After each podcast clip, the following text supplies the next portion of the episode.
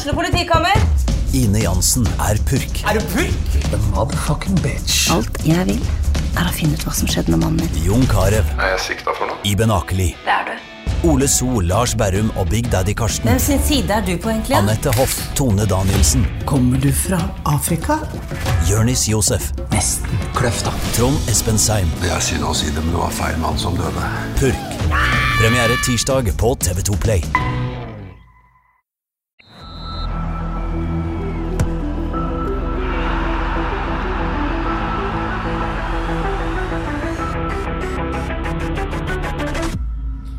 Hei og velkommen til episode 132 av Frelst. Mitt navn er som alltid Terje Flateby, og ditt navn er også i dag Odd Kåre Grøtland, eller? Ja, det er det. Ja, det er ikke verst. En dag til som Odd Kåre, er det, føles det bra? Hver dag er bra, Terje. Hver dag er bra. Du, i dag har vi besøk av en landslagsspiller, det er stas. Ja, jeg er imponert over kvaliteten på gjestene våre du Ja. får til Terje Flateby, så all ære til deg. Jeg er mer imponert over at de gidder komme, men eh, Karina Sævik, velkommen til oss. Tusen takk. Ja, er det veldig gøy å ha deg her? Podkast er noe du gjør ofte, eller? Nei, det var spennende, litt nytt og ja, se hvordan dere gjør det her. Jeg har jo hørt på et par episoder, så nå Ja, så får jeg på, på innsida. Ja, så hyggelig. Ja, var det som du trodde? Litt skuffa over studio, eller? Nei, det var faktisk litt mer avansert enn jeg trodde. Ja, oi, oi, oi, det går den veien, ja. Ja, ja. Ja, men det kan vi like. Ja, Du er hjemme på ferie. Mm. Ja, Er det, er det ferie, det? For jeg liksom hadde jo litt kontakt med deg og hørte om du kunne komme, og så Ja. jobber du litt som vikar. Hva, hva vil det si? Nei, vi har vel hatt eh, fri fra trening, eller ikke helt fri heller, da, men sånn ei og en halv uke. Så da så jeg kunnet være litt vikar på skolen hvis jeg trengte. Så har jeg vært det i to dager, og så begynner treningsprogrammet i dag, da. Ja, og du er i et lærerstudium. Hvordan er det å være lærervikar? Eh, nei, det er jo egentlig ganske chill, fordi da kommer du til ferdig opplegg hva du skal gjøre. Du trenger ikke å planlegge sjøl, og ikke må du rette noen lekser og sånn etterpå. Så nei, det, det er greit, det. Er vi nede i stadiet? Jeg har jo hatt en del unger på skole. En del hørtes ut som veldig mye, men det er ganske normalt med unger på skolen. Eh, det begynner jo på en måte å roe seg ned før jul. Er det litt sånn i ett år, eller? Ja, det er litt eh, Se litt eh, julekalender. Eh, Det var jo i femte klasse, så Ja. ja. ser jo julekalender hver dag og hadde noen julehefter og sånt som de jobber med. Så det går litt den veien nå, snart jul. Odd Kåre, vi snakka om julekalendere med Roy Militeg for en uke siden. Det, vi får det ikke til å se på det hjemme, men de gjør det på skolen. Det er godt å høre. Ja, det syns jeg er en fin tradisjon med julekalender. Det er det. Du, eh, tror du du blir lærer når fotballkarrieren er over, eller? Ja, så det ligger jo an til det, da. Men uh, får nå se. Hvis ikke så må jeg jo begynne på noe annet. jeg vet ikke helt om jeg orker å begynne helt på nytt igjen. Nei. Men uh, er du litt usikker, eller? Ja, litt Uh, det er ikke, Jeg føler det er litt mye jobb og ikke best betalt, så får vi se. Det er jo mangel på kvinnelige fotballtrenere, Karina. Ja, Skulle gjerne ha flere av de. Er det, tenker du i de retninger, eller?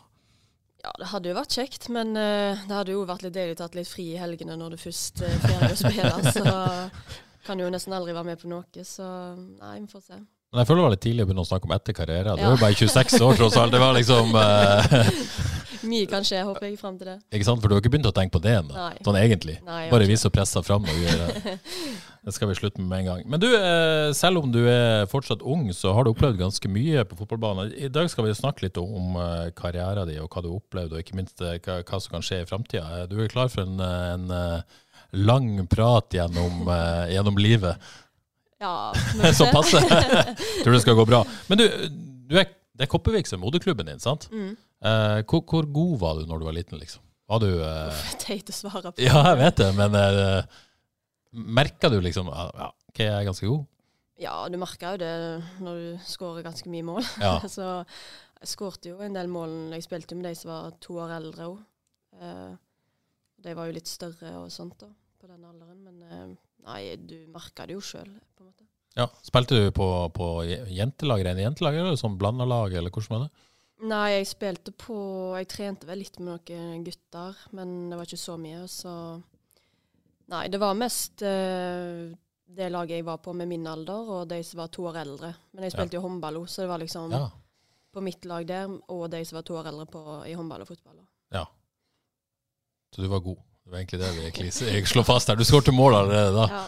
Ja, ja, men så bra. Og så og så gikk du jo ganske tidlig til Haugar, vel, egentlig. Fem, var det 15, eller? Det var du enda yngre. Ja, 14-15. 14-15, ja. Var det Haugar som hadde skjønt at her var det talent ute i Kopervik, eller var det mer du som tok initiativ, at du måtte på en måte til byen og utvikle deg og, og den biten der? Uh, jeg husker ikke helt hvem det var som tok eh, Eller hvem som begynte liksom den dialogen, men uh, ja, det var jo han Arne Breivik som hadde litt dialog med Kopervik og sånn. Og så pappa var jo ganske sånn på at hvis du skal du skal bli god, så kan du ikke fortsette i Kopervik, liksom. Så da må du på et bedre lag. Og da var jo Haugar i førstedivisjon, faktisk. Så ja, det var vel litt sånn at uh, enten så skifter du lag og satser, eller så blir du liksom i Kopervik. Ja, og du valgte å satse, rett og slett. Ja. Um, var det du som ville nevne en far her? Var det han som pusha litt, eller eh, Det er jo på en Ja, måte ofte altså- noen foreldre bak her. Nei, men eh, det er jo ikke alltid like kjekt å gå ut av uh, komfortsonen og spille på et lag med ja, det du har kjent siden du var liten, og så skal du på et helt nytt lag for første gang. Så, og da er det jo kanskje med, med litt voksne folk òg, så, så det var jo litt ukomfortabelt. Men eh, nei, det gikk egentlig helt fint. Det var bare å ta valget, egentlig. Ja, for det er jo på en måte satsing. Du er 14-15 år, reising fra Kopervik, eh, som du sier, mye trening med, med voksne, og kanskje utenfor de aldersgrupper òg, vil jeg tro. Mm. Det, det er ikke bare enkelt å ta sånne valg. Nei, men uh, når du først har uh, valgt det da, og kommer der, så altså, de tar jo godt vare på deg, og det går egentlig mye bedre enn du hadde frykta. Ja. Så det går seg til. Så du angrer ikke på det? Nei. Det valget du tok der? Nei, ikke i det hele tatt. Tror du du hadde fått en karriere hvis du hadde bare blitt værende? Nei, Nei. ikke. Det var et viktig valg, rett og slett. Ja. Ja. Og så um, har jeg jo sett litt i statistikkene. Du, du debuterte da for A-laget til Haugar i, som 15 år gammel i 2011. Husker du den kampen, eller? Nei. Jeg prøver å huske Nei, det er lov. Det, det, uh, ifølge fotball.no så var det borte mot eh, Fart. Det var du eneste kampen du spilte i 2011 på A-laget. Du skåra faktisk eneste målet til Haugar den kampen. Nei, det husker jeg faktisk ikke. Nei, det er lov, det. Men, eh, men det var det første av mange mål. Husker du eh, en ung Karina Sævik på Haugar? eh, Jeg husker veldig godt en ung, veldig ung Karina Sævik, men det var på Sakkestadbanen. Ja. Eh, Det var sikkert førstedivisjon òg. Det var sikkert når du var 16, sikkert, Ja. vil, vil jeg tro. Ja. Veldig ung og lovende. Men at du skulle bli så god som du har blitt i dag, det må jeg innrømme, det, det klarte jeg ikke helt å se den dagen. Så veldig bra utvikling. Var det Odd Kåre som ikke klarte å se talentet, eller stortalentet da allerede da, eller eh, har du på en måte skjøt du fart på et tidspunkt? da? Nei, jeg følte kanskje litt i den alderen at jeg var ganske god på trening, men ikke alltid jeg klarte å få det ut i kamp. Så ble jeg kanskje litt bedre på det med åra, da. Ja, jeg hadde Roy Militeig her eh, forrige uke, han snakka litt om dette prestasjonspresset. Prestasjon. Har du på en måte kjent på det, du, eller? Når du sier det på en måte det å få det ut i kamp? Eh, nei, ikke på den tida der, holdt jeg på å si, men du har jo liksom Hvis du vet hva du kan gjøre på trening, så hvorfor skal du ikke klare det i kamp? Du har jo litt forventninger til deg sjøl, og uh, ja, du vil jo på en måte prestere uansett. Det er jo ikke så mange som ser på, på de kampene der på det tidspunktet med tilskuere, og sånn, så det var liksom ikke det heller. Men ja, du har jo forventninger til deg sjøl og vet hva du kan sjøl, så er det irriterende hvis du ikke får det til i kamp. Mm. Og så, etter et par år og en god del mål i Haugar, så, så blir det Avaldsnes i 2013. Det var vel et naturlig steg å, å ta det når du er ung og såpass god og lokal.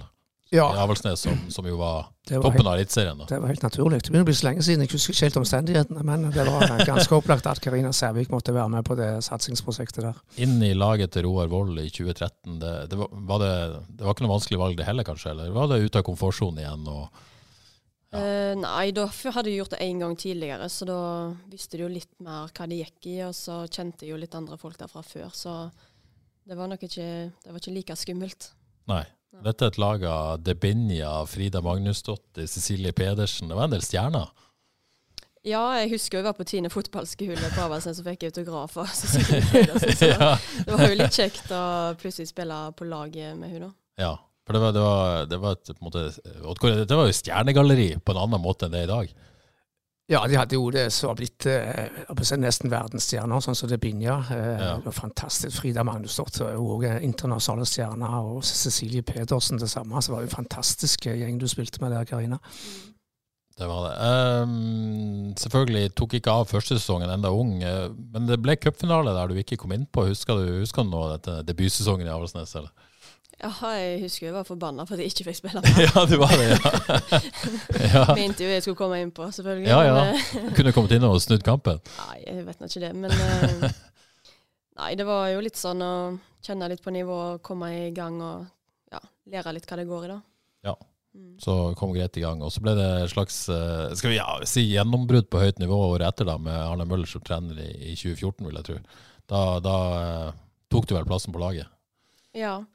Ja, da fikk jeg jo eh, ja, spille mer fast, og ja, han stressa ikke med at uh, Han ville bare at jeg ikke skulle ja, få det litt eh, stresset med å prestere, da, og bare ta det med ro og ja, gjøre som du gjør på trening, så går det fint. Ja, Var det en god arena for en ung, ung spiller da, å, å virkelig starte karrieren Ja. sin på det nivået der? Ja, jeg syns det, og som dere sa, så spilte jeg med mange gode spillere òg, så det hjelper jo på å bli spilt eh, bra av dem. Folk mm. hjelper deg jo. òg.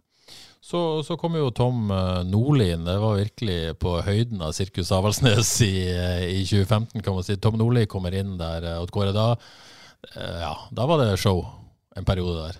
Ikke at det har vært show i år òg. Ja, det har vært mye show i år, Altså. men det er mulig det var toppen med Tom Nordli, altså. Da, Ja, har det vært mulig å toppe dette året her, eller? Sikker? ja, det snakker om 2022 nå. ja. vært mye show her òg. Men, Ja, men. Tom Nordli, da. Hvordan, hvordan var det, Karina? Nei, jeg husker ikke så, så mye egentlig, da.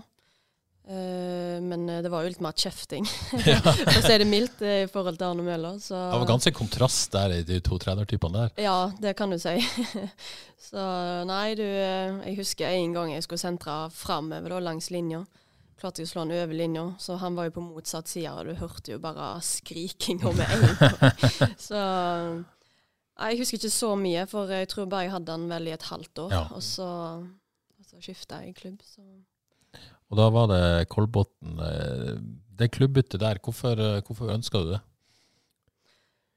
Nei, jeg, husker ikke så godt eh, så langt tilbake i tid. Men nei, det var jo noen klubber som hadde vært interessert, og de var vel mest på. Så ja, hadde lyst til å flytte på meg og ja, bo i Oslo. Og, Mm.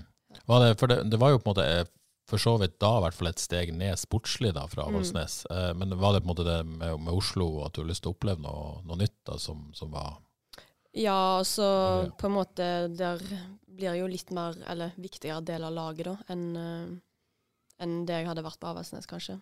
mm. Så det var kanskje litt eh, Der måtte jeg være en av de som kanskje sto fram, da, istedenfor å ja, bli hjulpen av det andre. Ja, at det ble litt bygd rundt deg, at du måtte Ja. dra det litt mer. Mm.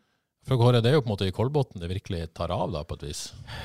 Ja, det var jo de årene der eh, du begynte å nærme deg landslaget, og hadde en veldig, veldig fin utvikling. Eh, Vi husker alle skåringene i 2019. Karina. Vet ikke om så kommer komme tilbake til den. Men, det, Jo, det, det, den, er, den, er på, eh, den er på blokka mi her. Hva, Nei, men, men Karina ble en veldig god fotballspiller i de årene i, i Kolbotn, så det, det gjorde deg tydeligvis eh, vis godt å ta det ansvaret der, så du snakker om at det, det var viktig.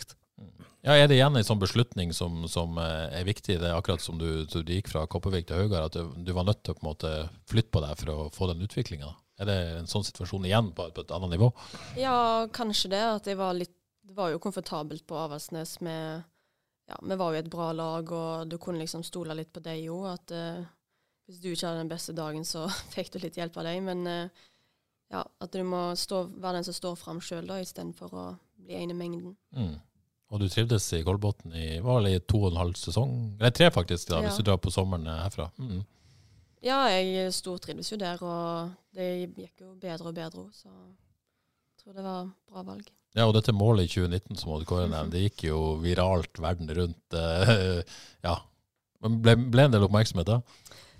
Ja, det ble jo det. Men uh, ja, jeg vet ikke. Jeg, eh, etter jeg hadde skåret det, så tenkte jeg ikke så mye over det egentlig, før, uh, før det begynte å spre seg på nettet. Så ja, tydeligvis andre som også syntes det var bra mål. Ja, er det noen som tar det opp den dag i dag, eller? Nei, eh, ikke så mye nå. Jeg måtte jo si det til de småripsa på Avaldsnes når de ble litt cocky, at eh, måtte bare google årets mål, årets mål 2019, så ja. får de litt ned på jorda igjen. Ja, jeg mener om jeg så det om igjen i dag. Det er helt fantastisk skåring. Altså, det må være et av de flotteste målene som er skåret i norsk toppserie noen gang. Det anbefaler jeg alle å gå inn og se på. Ja, hus, Kol Kol Kolbotn Avaldsnes i mai 2019. Ja, Ja, det altså- var mot Avaldsnes. ja, selvfølgelig. Ja. Ja, husker du det sjøl når, når du Ja. traff følelsen, liksom? Ja, jeg eh, husker at jeg tenkte denne må jeg ta før han går i bakken, ellers har jeg ikke kjangs å rekke han. Så var det bare å hoppe og prøve å dempe han, og så så jeg keeper stå ute, så var det bare å prøve å lobbe han over. For oss som aldri har skåret et sånt mål. Eh, Hvordan er følelsen når du ser han gå inn der? Eh, nei, altså, som jeg sa, jeg tenkte egentlig ikke over at det var et liksom så sjukt mål før, ja, før litt etterpå at uh, folk uh, kanskje begynte å kommentere det til meg. Så ja, jeg vet ikke, du nullstiller jo på en måte litt i kampen nå, at OK, vi skårte, men det er fortsatt litt igjen, så du tar liksom ikke helt av i kampen. Eh, Og så lenge etterpå så, så blir det jo eh, det store utland. Tror du, tror du dette målet og den oppmerksomheten tror du det bidro til det, eller er det liksom spillet og godt eh, nivå over tid Ja. som gjorde det, den trygge veien? da kom jo et VM rett etter den skåringen òg. Ja, det gjorde det. Så jeg tror nok kanskje det var Eller det kan du si litt Ja. om sjøl, kanskje. Nei, jeg tror kanskje VM har mest å si Ja. for det. Eh, Der følger jo alle de store lagene med. Mm. Og, og så det er vel en god eh, utstillingsarena. Jeg Ja. tror kanskje den målgivende pasningen du hadde mot Australia var viktigere enn den skåringen Ja. fra Kolbotn. For det, den òg var veldig, veldig bra. Den, den ble lagt merke til. Ja. Ja, for Ja. du var jo fast på alder, til landslag lenge, og så, og så fikk du da A-lagsdebuten din i, i det året vi snakka om her i, i februar, Al- Algarve Cup. Eh, Følte du da at ok, nå var det på tide at jeg fikk den sjansen, eller var det yes? Uh, ja, jeg mente jo sjøl jeg burde fått det litt tidligere. Ja. Eh, jeg husker jeg var irritert, for jeg ble tatt ut på ja, Jeg hadde vel skåret åtte-ni mål, og så ble jeg tatt ut på U23 istedenfor A. Og da ja, ble jeg i tillegg skada på U23 og måtte operere og sånn, så da tenkte jeg at uh, det ikke var kjangs. Men uh, ja, klarte nå å komme tilbake da, og så ble jeg uh, når jeg ble tatt ut til A-landslaget i februar, så hadde vi ikke hatt noen kamper eller noe nesten, så da følte jeg jo at jeg ikke fortjente å bli tatt ut. Så, men eh, ja, det gikk nå bra til slutt. Ja, og du, du spiller deg ganske kjapt inn på dette laget, og er jo en viktig brikke i, i VM i 2019, som Odd Kåre nevnte. Hva husker du fra det mesterskapet der, da? Uh, nei, eh, ikke sånn spesielt mye. Det var jo kanskje første gang jeg spilte for skikkelig mange, eller publikum da. Ja. Uh, det var jo litt nytt. Det var ikke så lett å kommunisere på banen og sånn, du hørte jo ingenting. Det var i Frankrike, dette. her. Ja. Ja, når vi spilte mot Frankrike, så var det vel 40 000 på tribunen, så det var liksom helt annet uh, kjør og kok på banen enn uh, hvis du spiller Litt overgang fra Kolbotn? Ja, det kan du si. Uh, nei, det var vel kanskje hele opplevelsen, egentlig. Jeg sitter ikke igjen med noe sånn spesifikt, men at det var liksom så stort, og det du var med på, på en måte. Og For de som ikke husker så langt tilbake, så, så endte det eventyret i, i kvartfinalen vel mot, mot Mm. England eh, 0-3. Um, men da, ikke så lenge etterpå, dro du utenlands. Var, var ting på gang allerede før VM, eller var det som Kåre sier, at det var på VM eh, at interessen begynte å komme, og, tilbudene kom? Ja, nei, det var mest eh, sikkert på grunn av eh, ja, de har fulgt med i VM, da, og så sett at OK, hun, hun spiller i Norge og har Mm. kanskje ikke har kanskje lyst til å komme til en litt større klubb, så så ja, var det litt forskjellige tilbud, men eh, endte på PSG, da. Ja, det er jo ikke så dumt, det. sånn i utgangspunktet. Men, men var det stor interesse? Var det andre klubber, og, var det ting du vurderte? Ja, det var litt andre ting òg, men eh, ja, jeg bestemte vel ganske raskt at eh, de andre ikke var så aktuelle, da. Det var, ble PSG. Mm. Hvordan, hvordan var det? PSG, liksom. Folk tenker jo eh, her forbinder med Neymar nå, og Messi og, og, og større ting, liksom. Hvordan var det være, for deg å være i PSG? Nei, altså det er jo helt nytt, men eh, det meste var vel kanskje sånn kulturen og alt sånt. Det er jo ting du kanskje ikke tenker så mye på når du liksom skal til en ny klubb, men eh, eh, ja, det var jo ikke så mange som snakket engelsk og sånn, for eksempel, eh, utenom de andre som var utenlandske på laget, og trenerne snakket ikke engelsk, snakket bare fransk, så det er litt sånn ting Ja, jeg tenkte egentlig ikke på det engang når jeg gikk der, for jeg, inn, når du er norsk, så tenker du at alle kan engelsk, Mm. men uh, Ja. Uh, men samtidig, du merka jo at det var en stor klubb du blir henta på flyplassen, og alt det liksom Ja, de har tenkt på alt, liksom, når du kommer der. Men det du sier, det var et slags litt sånn kultursjokk da, på et vis, i forhold til ja, Ja. kommunikasjon og kameratskap? Og, Ja, du kan si eh, Ja, og jeg følte det var liksom ikke sånn De var jo venner på laget, men det var jo ganske tydelig at eh, det var seg sjøl de tenkte på. Så det var liksom ja, ganske annerledes fra i Norge, da. Mm. Mm. Bodde du i Paris, eller? Bodde du Eh, Jeg bodde liksom i Saint-Germain, da. Den delen. Ja, men den bydelen Det er litt ut utenfor sentrum. Hvordan var det å bo et år i Paris? da? Det er jo noe de fleste drømmer om. Ja, det var jo eh, Altså, det var jo kjekt, det, helt til korona kom, og Ja. ja, det, da ble jo resten av sesongen avlyst, og ja, da ble det jo litt stress med at alle utenlandske skulle komme seg ut av landet og sånn, for hvis ikke så ble det jo stuck der, og Så det ble jo, hva skal jeg si, litt eh, amputert sesong og lang sommerferie. Ja, for du var der fra august til, til mars, da, til, til korona ble Ja. ute, og så var det egentlig hjem da etter det. Mm. Ja. Så da ble det noen ekstra måneder hjemme. Ja, noen ekstra måneder hjemme. Hva gjorde, hva gjorde du i den perioden? Trente og prøvde å holde deg i form? Og, Ja. ja. Nei, eh, det er jo ikke kjekt å springe intervaller i utgangspunktet. Når vi gjør det i tre måneder, så. så nei, jeg var glad når det åpna igjen, og du kunne begynne å trene litt. Ja, Men eh, litt mer om PSG. Det, hadde dere noe med herrelag å gjøre? Så dere noe? Hadde dere noe felles tilstelning? Hvordan, hvordan fungerer det, klubben? jo sånn det pleier jo å være sånn der uh, av, felles avslutning på sesongen, da, men det gikk jo ikke, fordi da kom jo koronaen. Så, Ja. så det ble ikke noe av det. Men eh, så når jeg var der, så traff jeg ikke deg. Men eh, jeg vet ikke hva han het engang, han der som eier klubben. Han der Ja, Nasser. Ja, mm. Han kom, var jo innom og sånt av og til, men Ja. eh, vi hadde ikke noe med herre... Eller det ble ikke noe med herrelaget det året. Nei. Uh, men men det, er, det, er det et opphold du ser tilbake på? Eller hvordan ser du tilbake på det oppholdet, liksom, egentlig? Er det, er det blitt dominert av at det ble korona, liksom? Eller er det har du ja, på en måte litt. Men uh, samtidig så følte jeg jo at jeg lærte ganske mye med ja, hvordan Det var jo litt som jeg sa, du må forholde deg til deg, da. De er liksom venner, men seg sjøl først. Og da prøver de å bli kanskje litt mer sånn Mm. sjøl òg. Altså, ja, lærte litt av det, da. Men eh, når jeg kom til Tyskland igjen, så var det jo på en måte mye mer likt som i Norge. Ja, Da ble det en annen kultur igjen. Ja. Så fikk du Champions League-debut også i, i, i PSG. Det Mm. var Første smak av det, var det greit? ja, det kjekt. Var, var det med folk på tribunen? Det var før korona, det, sant? Det begynte jo vel høsten? Ja, det begynte, Ja. ja. Men uh, de største kampene var jo uten Mm. publikum, da. Mm. Så det var litt kjipt, men uh, ja, sånn ble det. Hvordan er interessen for PSG i Paris? Er det liksom eh, Ja, er, er det Du har sikkert vokst etter det òg, da, men eh, var den stor da, eller? Ja, så det er jo sånn, eh, hva skal jeg si, ultras som er på tribunen og er er galne og står der med trommer. Men eh, jeg husker om vi skulle ta tog og sånn til bortekamp, så sto de liksom på eh, togstasjonen og sånn og sang og sånn når vi skulle på kamp. Så det er jo mye større enn her i Norge, da. Men så er det jo en mye større klubb òg, så ja. Ja, Vi snakker jo om eh, topp to-tre vel i Europa når du var der. Var, Mm. var det sånn at denne klubben skulle vinne Champions League? Var det det som var målsettingen? Ja, altså først og fremst var det jo å komme over Lyon, både i serie Ja, og. Champions League. Sant? Så, så nei, det er jo to gode lag, så Men Lyon eh, har nå stukket av med det meste de siste tida.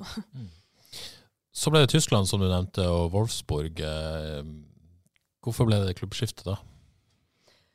Nei, jeg, det var litt det jeg sa, at eh, jeg trivdes kanskje ikke helt på laget med Eller sånn kulturen var og sånn, og så ja, var de eh, Hørte agenten min litt rundt, og de var interessert, så tenkte jeg ja, det er jo en god klubb. og ja, Snakket litt med Ingrid Engen som var der, eh, hvordan det var og sånn, og da føltes det som et bra valg for meg. Eh, den tida der, det var jo Champions League og, og, og alt, men er den også litt sånn prega av korona det, det året der? Ja, det var jo ganske strengt. Eh, Jeg har jo liksom ikke opplevd noen ting nesten i Tyskland. Nei. Eh, Alt var stengt utenom apotek og matbutikk. Og på noen tidspunkt så fikk du ikke lov å være mer enn to personer i lag, og måtte være hjemme innen klokka ni, liksom. Så det er jo litt sånn Tror jeg var i utlandet på det verste av tidspunktet, Ja. for å si det sånn.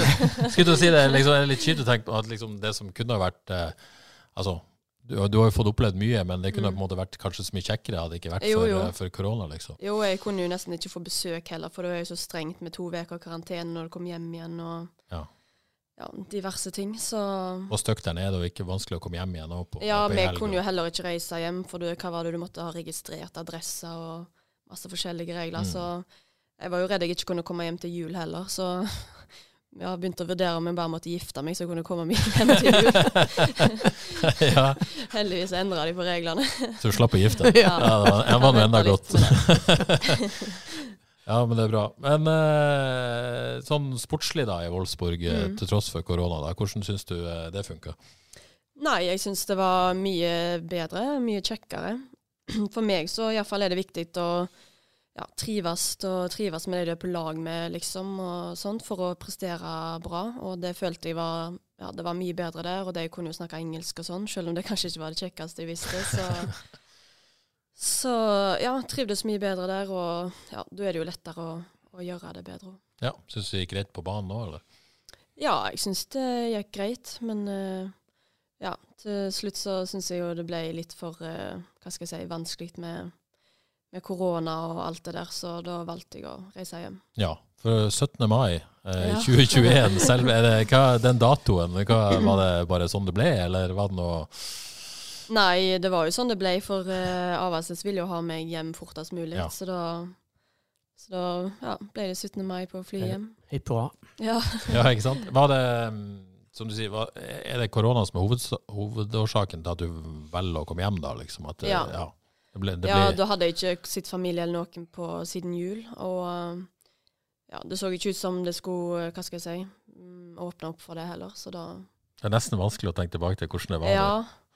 Så nei, det var jo bare å gå på trening og gå hjem, og så vente til neste trening. Så Ja. tenkte jeg ja, hvis jeg ikke har lyst til å gjøre det, så trenger jeg ikke gjøre. Det. Nei, for det ble litt, ja, litt for kjipt, rett og slett. Ja, altså Sindre kunne jo, eller familien min kunne jo liksom kommet og bydd meg, men de har jo andre liv, de jo, så Ja. ja, det var liksom litt ja, Hadde det vært herrespiller, så kunne du kanskje bare bydd med hele familien, så Ikke sant? litt annerledes. Ja, det handler jo om økonomi, da, vil jeg tro. Ja, Også. altså jeg hadde jo godt betalt, og det hadde jo ikke vært noe problem med f.eks. at uh, typen hadde slutta i jobben og sånt, men uh, det er jo kjedelig for han å sitte der når du ikke kan gjøre noe selv. Så Nei, det er noe med det. Eh, så kommer du hjem, da. Uh, vil tro at eh, det var en del klubber i toppserien som, som hadde lyst til å få Karina Sævik på laget. Hva, uh, Sjekka dere mulighetene, eller var det at nei, de, de vil hjem-hjem, liksom? ja, jeg sa vel egentlig at eh, det ikke var aktuelt med noe annet. Nei. Når jeg først skulle hjem, så ja, ville jeg ikke fortsette å ha på en måte avstand til hjem. Så da Nei, men var det også situasjonen som påvirka liksom, at du ville virkelig hjem? Ja. At- ja. Det var jo det. Så da Jeg sa jo det til agenten min, at eh, det egentlig ikke var aktuelt, liksom. Så ja. fiksa han det. Hvor mye tenkte du over eh, der hvor Avaldsnes var akkurat det sånn sportslig? Påvirka det noe? Var det noe som du hadde i bakhodet? Er- dette bra nok, liksom? Uh, litt, men eh, samtidig så hadde de vel kommet på tredjeplass uh, året før, tror jeg. Så Mm. det var jo ikke Altså, jeg forventa jo ikke sånn som det utvikla seg, da, for å si det sånn. Nei. Ble, gikk det, måtte, var det tøffere enn du hadde trodd? Uh, ja, eller rent sportslig, da? Ja, jeg trodde ikke Jeg trodde vi kom til å prestere bedre og gjøre det bedre enn det vi gjorde. Så sånn sett så ble det ikke helt sånn jeg hadde tenkt. Ja, for 2021 er en sånn vanskelig sesong for Avaldsnes. Det har vært mange forventninger til Kåre, og det har vært bra over tid. Og så får man denne nedturen, kanskje litt mindre penger. Eh, Andre bygger opp, de bygger ned. Eh, Ja. Thomas Dale blir også sykemeldt underveis i denne sesongen, og, og Kolbjørn Fosen over. Det er en vanskelig trikk i sesong, rett og slett. Ja, de mista en del spillere òg. Ja, Så det var, det, var en litt, det var en liten nedtur. ja. Og berga plassen vel, Karina, med et nødskrik eh, der. Det var, det var ikke sånn du hadde sett før det? Nei, jeg det, trodde jo ikke det. Og jeg så jo på en måte på spillerne vi hadde òg, så tenkte jeg jo at det kom til å bli bra. Men eh, jeg vet ikke, vi fikk det ikke helt til å stemme, og så ja, ble det sånn det ble. Mm. Eh, Så er det jo ingen hemmelighet at eh, du, du fikk tilbud eh, etter den sesongen, før årets sesong, da. Ja. Og sånn som vi har forstått det, så hadde du jo lyst til å dra. ja. Og det var Brann da kanskje som var, var mest på. Mm. Er, det, er, det sånn, er det rett å forstå det sånn? Ja, nei, de var ganske på de. og det var jo forhandlinger. Harde forhandlinger, så Nei, dere fikk jo svaret, for jeg Mm. spilt, begynte jo i Avaldsnes Ja. i januar igjen. Så. Men var det, hvor lyst hadde du å på en måte Brann, altså regjerende seriemester da med Sandviken, og, ta det steget eh, da? Ja. Ja, du har ikke lagt skjul på at du var skuffa? At du Nei. måtte gå noen runder med deg sjøl etter Ja, Etter jeg det? var jo ganske irritert da. Så ja, jeg skal ikke gå så mye inn på akkurat de forhandlingene, men eh, ja, jeg ble ganske forbanna egentlig. Ja, hvor vanskelig var det å legge det bak seg? Nei, altså Jon Arne vet jo hva det går i. Jeg gikk rundt og var drit og dårlig i noen treninger, og så, og så Surmula, rett og slett? Ja.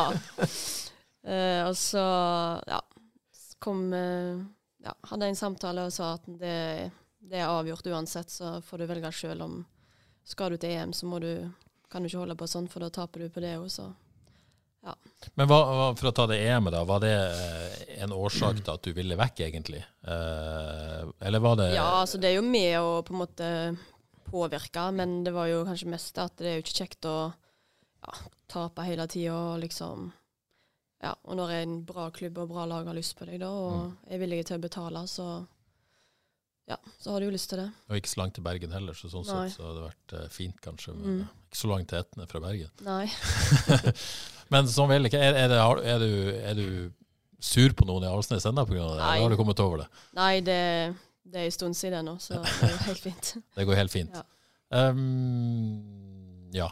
Og du og Jon Arne som måtte avklare dette på, på kammerset, da, rett og slett. At det nå må du eh, bare skjerpe deg og spille. Ja, eller vi hadde jo et møte først da når eh, på en måte de sa Eller jeg visste jo at de på en måte hadde avslått eh, budet eller sagt at de ikke kom til å forhandle mer, liksom, og at det var avgjort at jeg ikke skulle bli solgt. Så jeg tror jeg vi hadde et møte om det, og så ja, prøvde vi jo på litt sånn der uh, surmuling, og så gikk ikke det. Så, Ja, Var du litt sånn i streikemodus der, Ja. Karina? Det er det du sier? fikk du vondt i magen? Sånn. ja, Ja, litt det- Badou-aktig vondt i magen? Nesten vondt i magen. Men eh, nei, måtte jo eh, Jeg skjønte jo at det var avgjort, så det er ikke vits å holde på sånn. Og jeg skjønner jo Karina veldig godt her, ja. det, det må jeg si. Samtidig så, så, eh, så berga Avaldsnes til slutt da plassen med et nødskrik, og det var med Karina Sævik en halv sesong. Eh, det er jo nesten ikke til å tenke på hvordan det hadde vært uten Karina Sævik en hel sesong. Altså, altså, det store spørsmålet er jo hva skjedde i sommer? Altså, Jon Arne Riise nekta å slippe Karina i vinter for at Ja. hun skulle være med å berge plassen til Avaldsnes. Ja. Og så når alvoret begynner til høsten, så slipper, slipper de henne. Ja. Altså, hva skjedde der, Karina? Hvor mye kan du si om det? Nei, det, det, det er de som bestemte at da fikk jeg lov å gå likevel. Så det er nå deres avgjørelse, og hva de har tenkt eh, rundt det, så har de ikke sagt noe til meg om. Men eh, ja, det var jo liksom Var det 18 treningskamper da? Jeg vet ikke helt, jeg. Før jeg begynte. Så, Du spilte 18 treningskamper. ja, så fikk jeg eh, skifta etterpå, så Men eh, ja, jeg klager ikke på det. Ja, Sånn sett har det jo ikke noe å si, selvfølgelig, for disse kampene bety betydde jo til syvende og sist ingenting. Men, men, men eh, forståelsen var vel at Og dette skal jo ikke Karina stakkars blandes opp i, men, men uttalelsene var vel ok, nå er vi trygge på at vi har kvalitet nok til å kunne klare det. Også, Ja, det, det har du jo sagt etterpå òg, at de følte seg såpass trygge at det Avaldsnes-laget var godt nok til å berge plassen. Han kunne de slippe Ja. Karina. Men jeg, jeg er litt spent på hva, hva du tenkte, Karina, når, det- når Avaldsnes gikk ut i de der helt avgjørende kampene på slutten, og det sto om så små marginer. Uten Karina Sævik. Ja, altså, det var jo uh, for spennende, for å si det sånn. uh, men nei, altså, jeg trodde jo de skulle, at, ja, at det ikke skulle bli så nærme, da, at de holdt på å rykke ned. Og jeg trodde jo kanskje at de ikke eh, måtte i kvalik. Men eh, nå ble det noe sånn, men de klarte nå heldigvis å holde seg. Det var litt dumt fra deg òg. Ja, men samtidig så følte jeg ikke at eh, Ja, som jeg sa, det var jo nesten 18 treningskamper. Du måtte ha en del poeng for å komme på topp fire uansett, så jeg følte liksom ikke at jeg kunne påvirke så mye på det. Men eh, jeg var der vel kanskje ikke når det gjaldt som mest, da. Men det Nei, for var hadde, jo hadde, du, for hadde du vært der, så hadde de sikra den plassen på litt tryggere vis enn det de gjorde. Det tror jeg vi kan være enige om. Ja, men det var nå ikke opp til meg. Det var Nei. de som takka ja til å Ja, meg, ja. så da Det er vurderinga Alsnes-ledelsen tar. Eh, Vålerenga kom på banen med et bud som tydeligvis var nok. Var, var det andre klubber da? Var Brann tilbake på banen, eller var det, Ja, hvilke det var vurderinger jo gjorde du da? de to klubbene, eh, Brann og Vålerenga. Men eh, da jeg følte det var Vålerenga som hadde hva skal jeg si, mest lyst på meg og strakk seg lengst, så ja. Da følte jeg at det, da var det der jeg ville være. Ja, Da ble det Oslo og en høst på topp i Vålerenga sammen med Lise Thorsnes. Ja. Eh, Andreplass til slutt. Hva, hva tenkte du om den høsten eh, du har hatt? Eh, nei, vi har jo gjort det bra, da, for vi lå jo i utgangspunktet eh, på tredjeplass når vi begynte det sluttspillet. Så vant vi begge kampene mot Rosenborg, så eh, fornøyd med det. Men eh, skulle gjerne ha starta på andreplass, så vi kunne tatt eh, seieren. Ja. Litt kjedelig at den siste kampen mot Brann ikke hadde noe å si. Men, men ble du helt skadefri til slutt? Du slet jo lenge med, Ja. med, med skade. Ja, jeg har jo slitt med den hofta ganske lenge, eh, og ikke fått det helt vekk. Men eh, ja, i Avaldsnes så hadde, kunne jeg jo ikke hvile meg så mye heller, så da Ja. Da måtte jeg spille, og da, når du har en overbelastning, så hjelper ikke det på. Så ja, fikk jeg jo litt fri etter, etter EMO, og da gikk det seg litt bedre til. Så på høsten der så, så var jeg liksom bra igjen.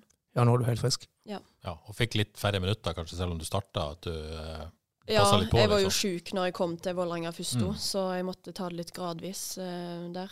Og til slutt så ja, ble det 90 minutter. her. Mm. Men trives i Oslo? Hvor ofte er du hjemme, da? Er det mye pendling, eller? Uh, ja, i november var jeg vel hjemme nesten hver helg, tror jeg. Ja. uh, for da hadde vi jo ikke kamper. Men eh, i sesong så blir det jo ikke så mye, da. Nei. Så vi får se. Ja. Du trives? Ja. Ja. Kontrakt ut 2024, er det planen å være i Vålerenga, eller drømmer du om en, eh, et utenlandsopphold uten korona? Ja, altså Det er mange som har spurt meg om det, men eh, jeg vet ikke, jeg føler liksom at jeg har opplevd det selv om det var korona. At jeg har liksom vært i to store klubber og fått opplevd hvordan det er, selv om det har jo vært stengt pga. korona, men fotballen har jo på en måte vært åpen, så jeg føler liksom ikke at jeg har noe sånt stort behov. Da må det være et uh, hva si, et uh, bra tilbud av en bra klubb. Som at det, da, da har jeg sjukt lyst til å gjøre det. Hvis ikke, så, så har jeg lyst til å gjøre det bra med Vålerenga de to neste sesongene jeg skal være der. Mm. Er det litt sånn eh, eh, Du er jo ikke der ennå på tampen, men det er jo en del fotballspillere hvis det kommer et godt tilbud litt sånn uh, når man eh, ja, er litt på tampen. Og eh, økonomi har det altså, Kan man la seg lokke av økonomi her òg, på et tidspunkt? Ja Jeg tror ikke jeg blir det, for altså, jeg hadde jo bra kontrakter når jeg var i utlandet med korona uansett. Ja. Så, og allikevel så ville jeg hjem, så det Mm. For meg så har ikke det det meste å si. Så jeg tror ikke det blir så aktuelt. Ja, Du sier bra kontrakter, for dette med, med lønn og sånn i, i kvinnefotball, det er jo folk litt sånn nysgjerrig på. Ikke minst i, i, store klubber. Så du, har vært, du kan jo ikke akkurat sitte her og si hva du har tjent, men, men er det sånn du, du faktisk har lagt deg opp noe, eller er det umulig som, som, som fotballproff eh, på, på kvinnesida? Nei, altså du kan jo selvfølgelig altså, ja, Det spørs jo hvilken kontrakt du har. Men ja. ja. jeg tror eh, altså, Spiller du en av de beste klubbene, så har du ganske bra kontrakt, ja. Mm. Så du kan spare en del. Ja. Men det er jo ikke i nærheten av, eh, av eh, herrene uansett. Nei. Nei. Hva tenk, tenkte du om den forskjellen? Er det Det er jo irriterende, for du legger jo ned like mye innsats, men samtidig så er det ikke Herrenes feil at de får inn mest penger på TV-rettigheter og reklame og, og all slags. Så ja, det er jo interessen det går på. Men er det, er det noe du, må- du sier irriterende, er det noe du måtte, er det noe du tenker på å snakke om, er det liksom, eller er det bare noe sånt som er der? Og, Det er jo noe vans vanskelig å gjøre noe med. Det er liksom ikke noe lett eh, løsning på det. Fordi, ja, som sagt, de får jo inn mye mer penger, så da kan de gi mye mer i lønn. Så mm, sånn som det er nå, så er det bare sånn det er. på en måte. det er sånn markedskrefter, rett og slett. Ja. Men, men det virker jo som uh, ting er i bedring, da. Ja, det er, tror jeg det. Det har vært en ganske stor utvikling så lenge du har spilt A-lagsfotball, Karina. Ja, eh, og ja, det blir jo større klubber på damesida nå. At, de, at det blir Brann og Rosenborg. Og ja, jeg tror det er ganske mange flere som har eh, bra kontrakter i toppserien nå enn for fem år siden. Mm. Føles, det, føles det mer rettferdig ut i dag enn det gjorde for noen år siden? Ja, det gjør det. Men eh, Ja, rettferdig, jeg vet ikke. Det, Altså mer rettferdig, ikke at Ja. det er rettferdig, for å understreke det. nei, det blir jo bedre og bedre, Ja. og selvfølgelig, du er jo fornøyd med at det går i rett retning, men eh, ja, jeg vet ikke Går det for sakte? Tja, vanskelig å si. Men uh, du, altså, du kan jo få bra kontrakter i Norge nå, det er jo ikke det. Men når du, med en gang du begynner å se hva herrene tjener, så, så blir du kanskje ikke så glad likevel, å si. Kikker du på skattelista nå? Nei, altså Jeg vet jo sånn cirka hva det ligger på, da, eller Men eh, nei, jeg eh, bryr meg ikke så mye om det. Nei, men, men det er klart at uh, også for, for herrene så er det jo viktig man har en karriere å ta vare på, man har en uh, etterpå som man tenker og gjerne vil legge opp noe. Det er jo på en måte Ja. viktig å få noe igjen for dette. Og ikke minst som du sier, dere legger jo ned like mye innsats. Ja. Så det er noe, det er noe om det. Uh, dette, med, dette med Du har spilt fotball siden du var ja, ganske liten, vil jeg Mm. tro. Når begynte du? Husker du det? Ja, jeg var vel fire-fem år. Ja, tror ikke sant? Eh, har du opplevd mye sånn forskjellsbehandling? Altså tenkt at nå får jeg ikke de samme sjansene som guttene har, fordi jeg er jente. Har du på en måte reflektert over det og sånn opp igjennom? Ja, det begynner jo med at når du er liten, så får jo de bedre trenere med en gang de er 10-12 år, og ikke bare foreldre som er med. Så det begynner jo egentlig i barnefotballen at eh, ja, jentene har vel eh, en eh, far eller mor, og det er jo ikke negativt, det holdt jeg på å si. Altså, de er jo frivillige å ta den jobben fordi sikkert ingen andre vil ha den. Så, men eh, når du bare å få en liksom bedre trener har jo, kan jo ha en del å si. Mm. Husker du at du tenkte på dette da, eller er det sånn du har tenkt på i etterkant? Nei, det er noe du ser kanskje mer i ettertid, når du blir ja, litt eldre og ser kanskje mer forskjellene da, på, Mm. på dame- og herrefotballen. Mm. Der er det jo sikkert fortsatt veldig store steg å ta og, og en vei å gå, men, men føler du også der at ting er i bedring? At, altså Avaldsnes har vært opptatt av like muligheter. Er det, Mm. Begynner man å nærme seg like muligheter? Er det, Ja, altså i Vålerenga vi har jo ganske stort støtteapparat og liksom mentaltrener og fysio og fysisk trener og ja, det er ganske stort apparat, så jeg føler det det er ganske likestilt, og vi har jo sjukt bra garderobe og alt sånt. Um, så det har blitt mye bedre enn det det var. Den tolvårige talentfulle jenta i Kopervik i 2022, har hun like muligheter som en gutt, tror du, eller? U uten å henge ut Kopervik spesielt, nei, spesielt, det er jo bare sånn generelt. det. Jeg har ikke akkurat kontroll på hvem som er trenere. her. sånn, Nei, men, men, eh, tror du det, det, Generelt det, det så har skjedd tror jeg ikke at det har blitt så mye bedre i barnefotballen, kanskje. Nei. Men i toppfotballen så tror jeg det har blitt en del bedre. Mm.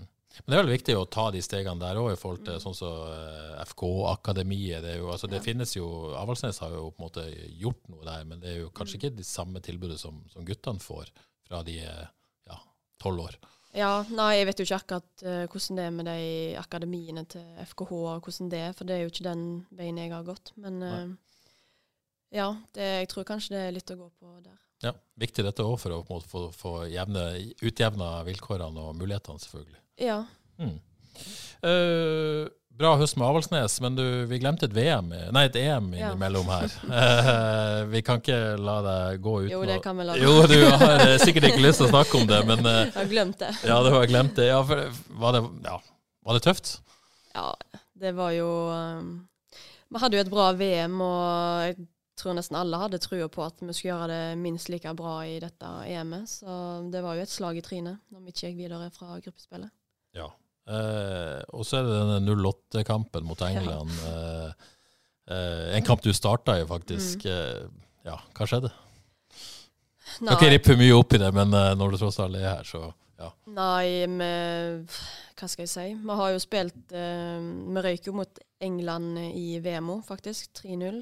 Eh, og så har vi vel spilt mot dem en gang til etterpå, i Bergen, og da vant vi faktisk. Og forskjellen der var jo kanskje at da spilte vi fem på midten, og det burde vi vel kanskje gjort uh, i, eh, i EMO. Iallfall når det var 2-3-0, at det, du må gjøre noen endringer. Var det noe dere spillerne eh, på en måte ga beskjed om, ga tilbakemelding om, eller ble dere ikke hørt? Uh, jeg tror ikke det var noen som sa det i løpet av kampen, men etterpå så har det jo blitt snakk om Ja. det, ja. Ja, det har jo vært en, en slags oppvask der, for å si det sånn. Eh, du, du, eh, du var ikke med da på den siste kampen mot, mot Østerrike. Eh, og Så ryker man ut, og så, og så forsvinner Martin Sjøgren. Eh, Mm. Ege Riise kommer inn. Eh, ja. Var du fornøyd med det, eller? Ja, hun var jo aktuell eh, når de skulle ansette gangen før det òg, men da ble det Martin. Så de har jo vært klar over hva hun har fått til, og de resultatene hun har. Så får vi se dette VM-et som kommer nå, da. Hvordan Ja. det går. Så var du ikke i første troppen til Hege Riise. Var da åh, jeg savna Martin Sjøgren? Var det sånn, da? Nei, eh, jeg blir jo forbanna, så det var egentlig bare god motivasjon for meg. Så selvfølgelig. Men jeg syns det er bra at eh, sånn hun gjør det, at det ikke er noe fast. Det er ingen som har klippekort, og at du, du må prestere og du må spille for å være aktuell for Mm. landslaget. Så det syns jeg er bra. Ja, og etter en bra høst så kommer du inn igjen. Er det sånn det skal være? Ja, jeg syns det er det. Når folk presterer og gjør det bra over Altså, du må jo ha mer enn én kamp du er bra, men presterer over litt tid, så hvorfor skal de ikke få sjansen? Det var kanskje litt forskjell fra, fra Martin og de, at uh, der var det kanskje litt mye de samme. Jeg vet ikke. De samme som fikk sjansen fra gang til gang. Du, du har sagt en del et par ganger her at du blir forbanna. Ja. Har du temperament, eller? Ja, shit. Ja, vel det. ja, det er lov, det. Må- ja, man må det vel ha det, da? da, ikke så mye av banen, heldigvis. Nei, roligere av banen enn Ja. på banen. Ja, kan bli sinte på banen, det kan jeg også skrive under på. Ja, men man må vel ha eh, temperament? Det er vel en Ja, det betyr jo noe. Hvis du er likegyldig på banen, så kan du liksom sitte på benken. Så. Ja, det er ikke noen tvil om det. Uh, VM 2023, Mm. du vil ha det med deg, regner jeg med? Ja. Er det som et sånn stort blinkende mål der framme? Ja, selvfølgelig. Men uh, jeg tror eh, bare å gjøre det bra med klubb og prestere for klubb, så får det komme som en uh, ja, kanskje en konsekvens av å gjøre det bra i klubb. At Mm. du blir tatt ut. Og hvor har du tro på Karina i VM-troppen 2023? Du tør jo ikke si noe annet. Ja, det, så- altså, det, som beroliger meg litt nå, det var at du sa hun var helt skadefri. Da er jeg Ja. ganske trygg på at Karina har en veldig god sjanse til å komme i den, eh, den VM-troppen. Jeg vil jo nevne litt sånn statistikker nå. Karina Sævik, hvis jeg ikke tar helt feil, er den eneste lokale fotballspilleren uansett kjønn som har spilt i både i et VM-sluttspill og et EM-sluttspill. Ja. Og nå blir det enda et VM-sluttspill, kan vi håpe på, Karina. Ja, forhåpentligvis. Og skal vi òg nevne at du er tidenes eh, beste kvinnelige fotballspiller fra Haugalandet, med 34 av landskampene. Ganske suverent eh, mest eh, av spillere fra Haugalandet. Så det, det er en bra gjest du har vunnet. i Barteby. Hvordan er det, Karina? Det er liksom, når Kåre nevner sånn, du har vært i VM, du har vært i EM, 34 landskamper og, og sånn og sånn. Er det, reflekterer du over på en måte, ja, historien, det på en måte avtrykket du legger etter deg på et vis, eller er det altfor ung til å tenke på sånt? Nei, ikke ennå. Nei. Eh, nei, når han sier det, så jeg tenker ikke så mye over det Nei. nå, egentlig. Nei. Men uh, uh, ja, det blir vel forhåpentligvis fint å se tilbake på. Skryte litt til unger og barnebarn. Og Ja, ikke sant? Det er greit å ha det, greit å ha en fin CV å slå Ja. i bordet med. Ja. Ja. Nei, og det, det er jo fortsatt mye igjen. ja, forhåpentligvis så blir det flere kamper. Forhåpentligvis blir det flere kamper. Du, jul hjemme da, før du drar Mm. tilbake til Oslo i januar, eller? Ja, Er vi begynner 4. januar. 4. januar. Ja. Lang oppkjøring. Jeg vet ikke, er Startdato for toppserien, er den kommet? For det har ikke kommet noe Ja, det, det må det jo være, men spilleplanen er ikke kommet ennå. Nei, Nei. det tror jeg han ikke er. Nei, jeg vet ikke. Nei, for man er vel heller ikke enige om uh, opp, altså seriesystemet Ja, ennå. nei, det, jeg tror ikke det har kommet så mye om det. Jeg regner med du, etter det du sa her tidligere, at du har lyst på ei omlegging av seriesystemet? Ja, jeg syns ikke det var noe eh, bra system de hadde kommet med. Nei. Det syns jeg ikke. Nei, og spesielt ikke Ja, egentlig for alle, da. Men det å spille Ja, altså Topp fire er jo kanskje litt mer rettferdig, da, for da Ja. får du jo med deg poeng. Men uh, Kolbotn for eksempel, som rykte ned, de hadde jo hadde vel nok poeng til å kunne tape resten av kampene og fortsatt ikke rykke ned, liksom. Hvis det hadde vært vanlig seriespill. Så det var jo ganske Ja. Hadde Kolbotn slått, slått Avaldsnes i den kampen som ble avlyst på, Ja, på så hadde topp så hadde fire. de vært topp fire. Istedenfor rykte de ned i Så det er mye rart. Nei, det er mye rart. Vi får håpe i omlegging, rett og slett. Men det er vel Ja. det som drøyer, kanskje, at man faktisk ikke er helt enig om, eh, om hvordan dette skal være. Eh, hjemmejul, juli 18., betyr det det, da? Eller? Ja. Ja. Er det første gang, eller eh, har det vært mange ganger? Hvordan er det?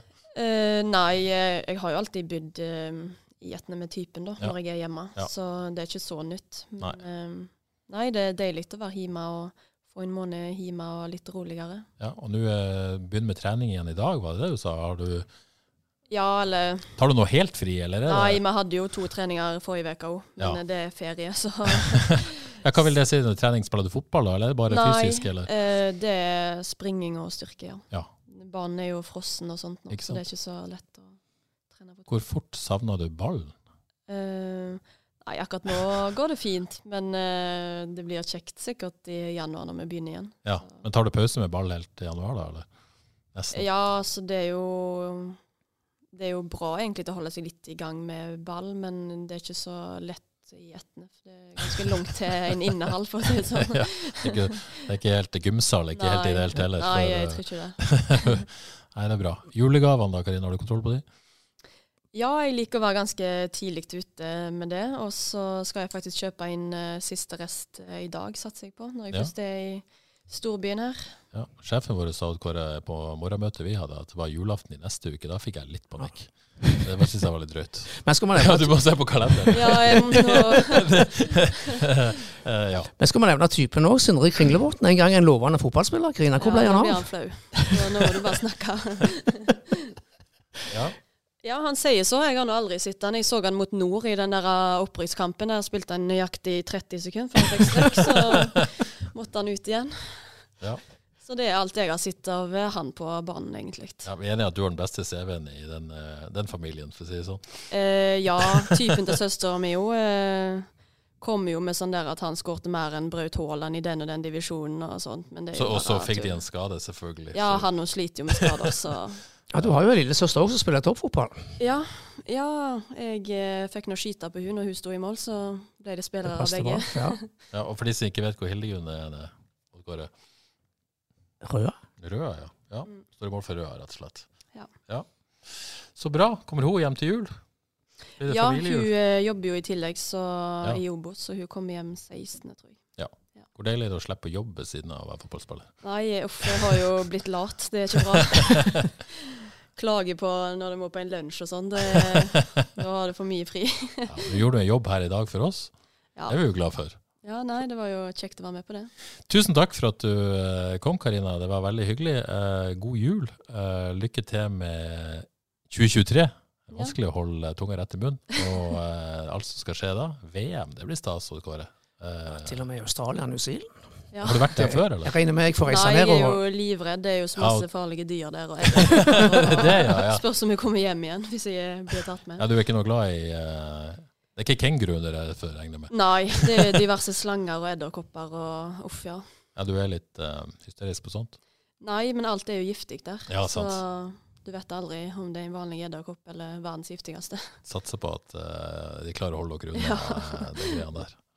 OK, tusen takk. Tusen takk til deg, Odd Kåre. Ja, takk til deg så. Eh, God jul, Karina. Ja, takk til alle. Takk til alle som hørte på, og så er vi forhåpentligvis eh, tilbake med Nyfrelst om ei uke. Ha det bra.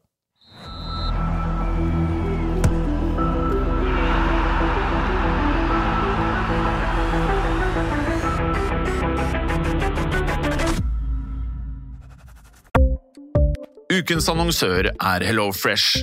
HelloFresh er verdens ledende matkasseleverandør og kan være redningen i en travel hverdag.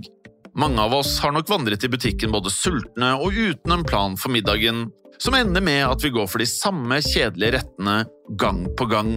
Middag burde være dagens høydepunkt. Som HelloFresh kan du nå velge mellom 25 ulike retter hver eneste uke, eller få HelloFresh til å sette sammen menyen for deg. Dette gir deg muligheten til å prøve nye og spennende retter alene eller sammen med familien. Du velger antall porsjoner og får alt levert på døren på et tidspunkt som passer for deg. Oppskriftene er enkle, og maten er lett å lage både for store og for små. Ved å få alt levert hjem får du også mer tid til å dele matgleden med familie og venner. Kanskje det frister med asiatiske tacos eller greskinspirert kylling? Da kan jeg anbefale deg om å gå inn på hellofresh.no. Her kan du bruke koden FOTBALL og få opptil 1779 kroner i rabatt på de første fem matkastene hvis du ikke har prøvd HelloFresh tidligere. Du kan også bruke rabatten hvis du har vært kunde og stoppet abonnementet ditt for tolv måneder siden eller lengre. Gå inn på hellofresh.no og bruk koden FOTBALL. Har du et enkeltpersonforetak eller en liten bedrift? Da er du sikkert lei av å høre meg snakke om hvor enkelt det er med kvitteringer og bilag i fiken, så vi eh, gir oss her, vi. Fordi vi liker enkelt. Fiken superenkelt regnskap.